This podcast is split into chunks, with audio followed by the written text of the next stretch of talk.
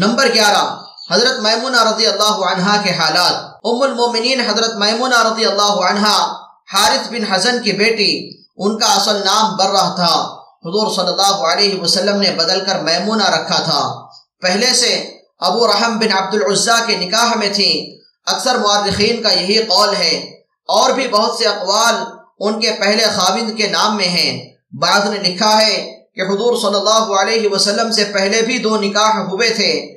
بیوہ ہو جانے کے بعد ذی قعدہ سن سات ہجری میں جب حضور اقدس صلی اللہ علیہ وسلم عمرے کے لیے مکہ مکرمہ تشریف لے جا رہے تھے، موضع شریف میں نکاح ہوا۔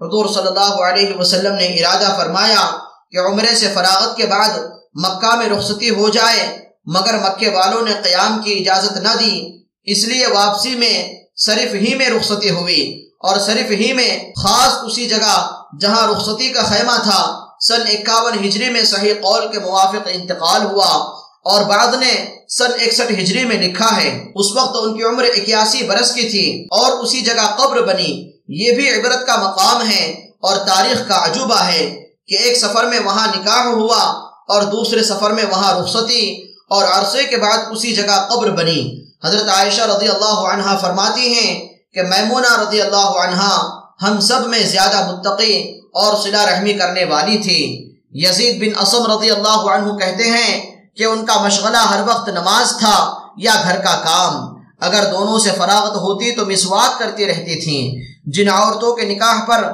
محدثین و مورخین کا اتفاق ہے، ان میں حضرت میمونہ رضی اللہ عنہ کا نکاح سب سے آخری نکاح ہے۔ ان کی درمیانی ترتیب میں البتہ اختلاف ہے، جس کی وجہ سے ان نکاحوں کی تاریخ کا اختلاف ہے۔ جیسا کہ مختصر طور پر معلوم ہوا، ان گیارہ بیویوں میں سے دو کا وصال حضور صلی اللہ علیہ وسلم کے سامنے ہو چکا تھا۔ حضرت خدیجہ رضی اللہ عنہ کا اور حضرت زینب بنت خزیمہ رضی اللہ عنہ کا۔ باقی نو بیویاں حضور صلی اللہ علیہ وسلم کے وصال کے وقت موجود تھیں۔ ان کے علاوہ اور بھی بعض نکاح بعض محدثین اور مورخین نے لکھے ہیں، جن کے ہونے میں اختلاف ہے۔ اس لیے انہی بیویوں کا ذکر لکھا ہے، جن پر اتفاق ہے۔